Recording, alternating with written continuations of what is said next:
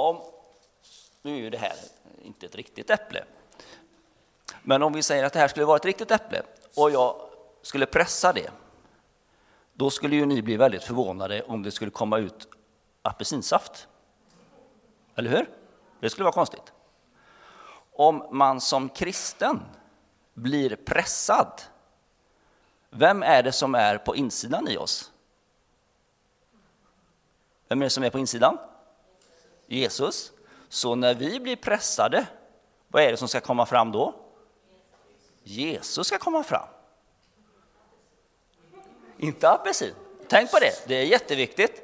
Alltså, ju mer vi har, alltså ju, ju, större Jesus blir på insidan av oss, ju större Jesus blir på insidan av oss, desto mer av han kommer det att komma ut när vi blir pressade. Det är lätt att det kan bli andra saker som inte är Jesus, men det ska vi ju försöka lägga bakom oss. Nu lägger jag tillbaka den.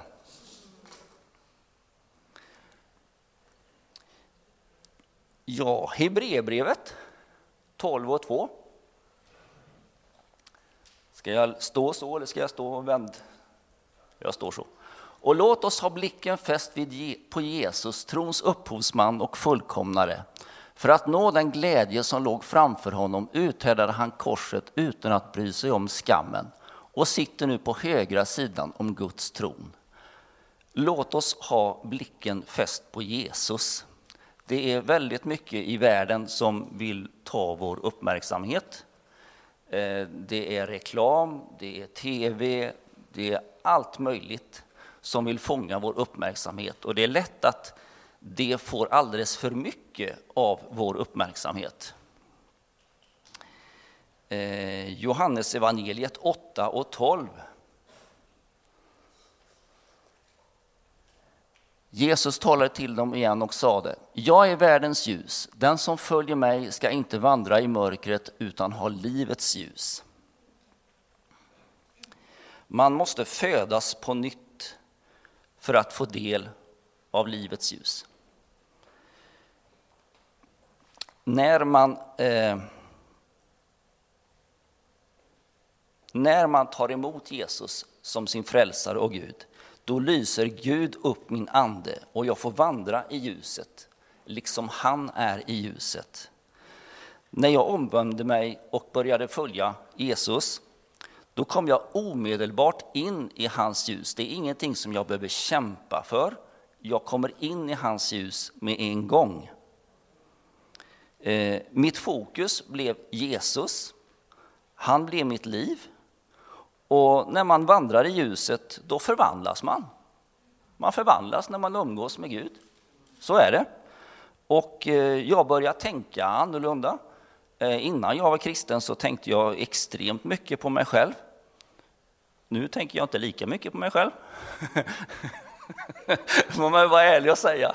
Men man, man börjar tänka mer på andra människor. Hur, hur mår andra människor? Eh, man vill att det ska gå bra för andra människor. Man vill att det ska gå bra för människor som, som träffar en livskamrat, att de ska få lyckliga äktenskap och, och, och, och få barn om de vill ha det och sådana saker. Eh, innan jag var kristen så tänkte jag inte alls i de banorna, utan det var jag, mig och mitt. Så var det. Eh, Johannes evangeliet 12 och 46 Jag har kommit till världen som ett ljus för att ingen som tror på mig ska bli kvar i mörkret. Jesus är hela mänsklighetens hopp. Han är hela mänsklighetens hopp. Gud vill att alla människor ska bli frälsta. För vissa går det ganska fort i livet. Det tar inte så lång tid innan de tar emot Jesus. Andra, som min mamma, eh, då tar det mer än 80 år. Huvudsaken är att man blir det. Kolosserbrevet 1 och 13. Han har frälst oss från mörkrets välte. Oj, nu blir det jobbigt här. Och fört oss in i sin älskade Sons rike. Det har varit en väldigt betydelsefull vers för mig. Jag vet att det Jag var lång tid i mörkrets välde. Men eh, Gud är god. Han är god och han kan förändra och förvandla. Det står mörkrets välde. Mörkret har ett rike och det riket tillhör vår fiende Satan. Vi som är kristna, vi är i världen. Men vi är inte längre i Satans rike, utan i Guds rike. Jesus har gjort oss till medborgare i sitt rike. Satan har inte längre någon makt över oss. Och det är ingenting som han kan göra åt detta att vi är i Guds rike. Han kan attackera oss, men han kan inte ta oss ut ur Guds rike. Efesiebrevet 5, 8 och 9.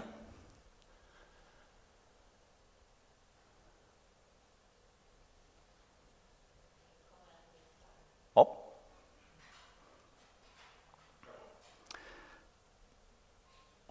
Okay. Jag, jag läser direkt från min. Eh, ni var en gång mörker, men nu är ni ljus i Herren. Vandra då som ljusets barn, ty ljusets frukt består i allt vad godhet, rättfärdighet och sanning heter. Det står att vi var mörker. Inte bara att vi vandrade i mörkret, vi var mörker. Men nu är vi ljus i Herren. En kolossal förvandling har skett med oss. Inte bara att vi är i ljuset, Gud har gjort någonting underbart med oss så att han till och med uttrycker att vi är ljus. Och vi förväntas att bära Guds rikes frukter och att det ska bli synligt i våra liv så att Guds ljus får lysa klart i och genom oss. Det här. Det ska komma fram.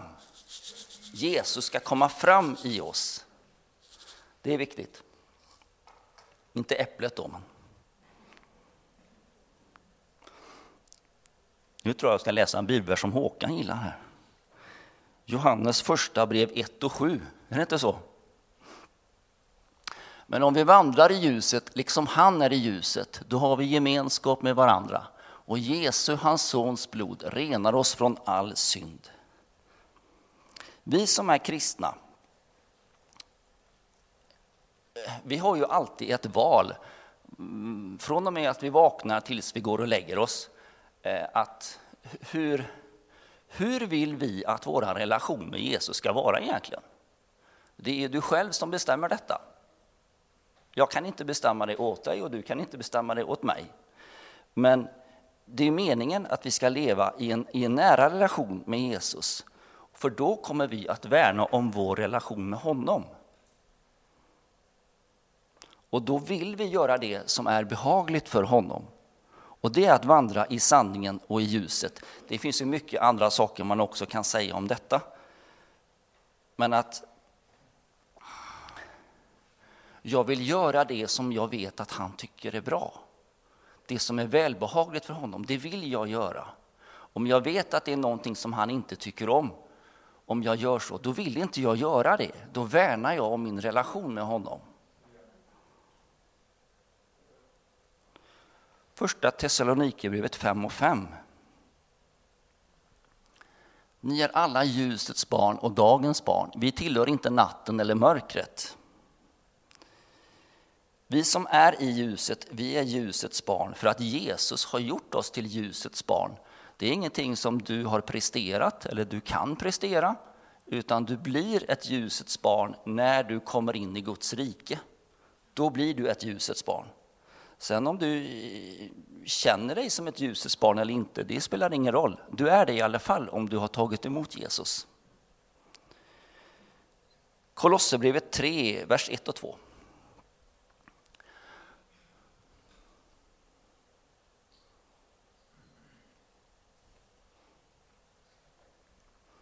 Om ni nu har uppstått med Kristus, sök då det som är där ovan, där Kristus sitter på Guds högra sida. Tänk på det som är där ovan, inte på det som är på jorden. Det är två ord här som är väldigt viktiga. Sök och tänk. Söka Guds ansikte och tänka på Gud.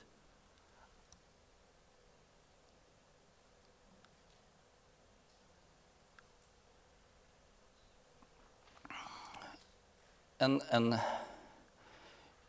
jag har varit frälst i, i 19 år nu och jag märker att ju mer man, man växer till i Gud, desto viktigare blir min, eh, de här små stunderna, de korta stunderna med Gud. De korta stunderna man pratar med Jesus. Eh, Visst, man, man har stunder under dagen som man kanske läser Bibeln eh, lite mer eller lite mindre, men att påminna sig, man kanske har några bibelverser eller sånt där och jag tycker det är ju mer man växer, desto hungrigare blir jag efter mer. Jag vill bara ha mer. Men, men eh, jag, jag, vill ha, jag vill ha ofta. Jag vill inte bara ha på morgonen, umgås med Gud, och så sen kanske en stund på eftermiddagen eller kvällen.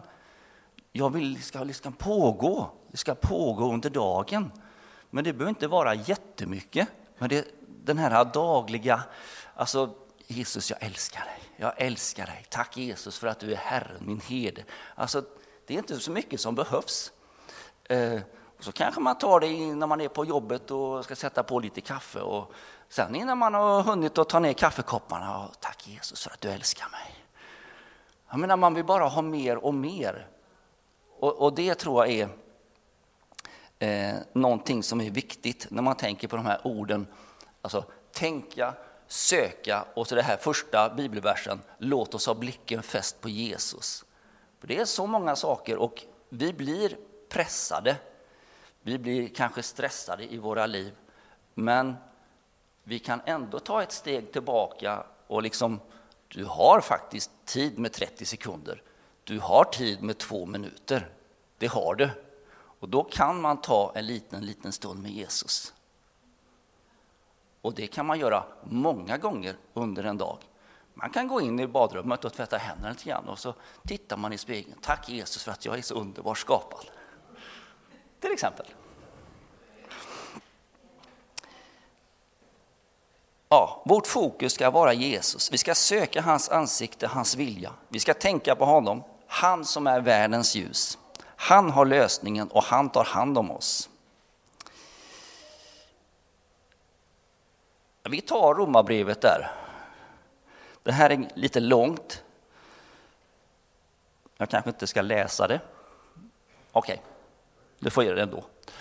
Vem kan skilja oss från Kristi kärlek? Det här är väldigt viktigt. Vem kan skilja oss från Kristi kärlek? Nöd eller ångest, förföljelse eller svält, nakenhet, fara eller svärd. Det står ju skrivet, för din skull dödas vi dagen lång, vi räknas som slaktfår.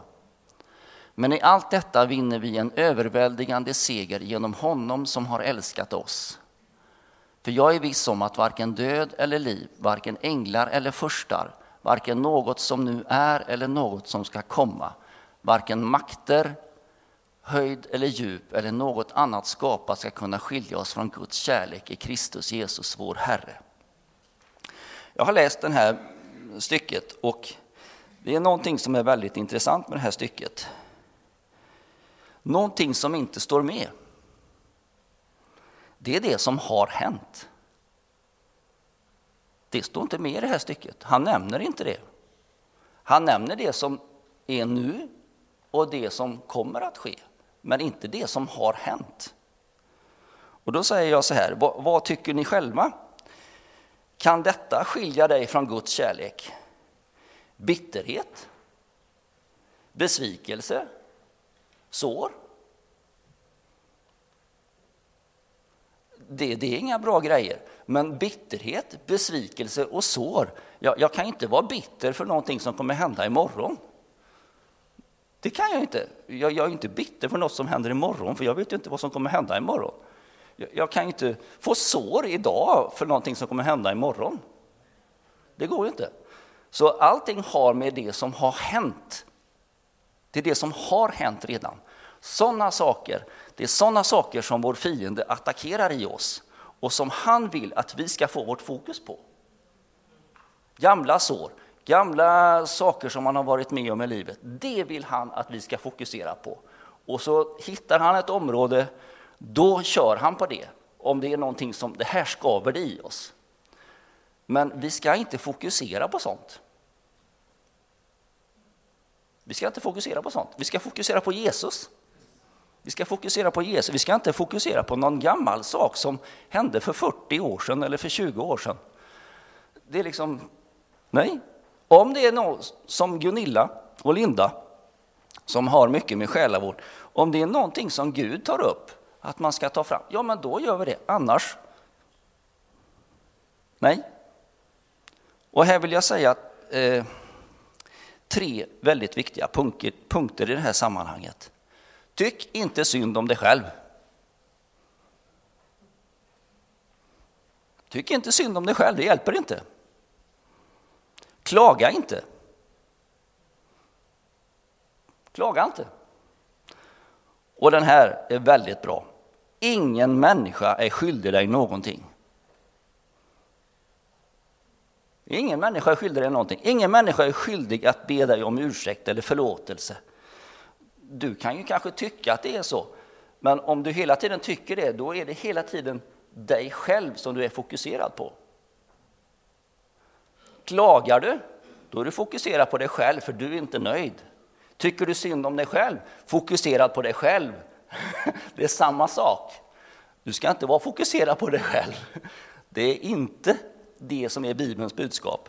Vi ska förneka oss själva, ta upp vårt kors och följa Jesus och ha vår blick fäst mot honom. Var jag tuff nu? Nej? Lite? Lite tuff? Ja. Jesus är världens ljus. Nu vet inte jag om jag är jätteteologiskt korrekt här, nu får ni ta mig i örat efteråt. Men. Han är världens ljus genom försoningen på korset och uppståndelsen. Om inte Jesus hade försonat världen med sig själv och uppstått, så vet inte jag om man kan säga att han skulle kunna ha varit världens ljus. Han var tvungen att genomgå det först. Vad säger du Håkan? ja. Han, och Jesus då, han är den enda som kan frälsa, befria, uppväcka, försona, hela och upprätta. Bengt har upplevt nyligen vad, vad, Jesus kan göra. Och jag tror att vi alla här inne har upp, eh, upplevt olika saker, vad Gud kan göra. Eh, för han, han som är världens ljus, han kan göra detta. Han kan göra detta. Han har lösningen på alla våra problem. Men det viktiga är inte vad Jesus kan göra för dig eller vad Jesus kan göra för mig. Det är inte det viktigaste. Det viktigaste är min relation och din relation med honom. För om jag hela tiden är fokuserad på vad han kan göra för mig, då är han som en godisautomat för mig. Det, det är inte bra. Det är inte bra. Det är min vardagliga relation med honom, att lära känna honom. Så det jag vill skicka med dig med detta är att låt oss ha blicken fäst vid Jesus. Låt oss söka hans ansikte. Låt oss tänka på honom, för han älskar oss. Amen.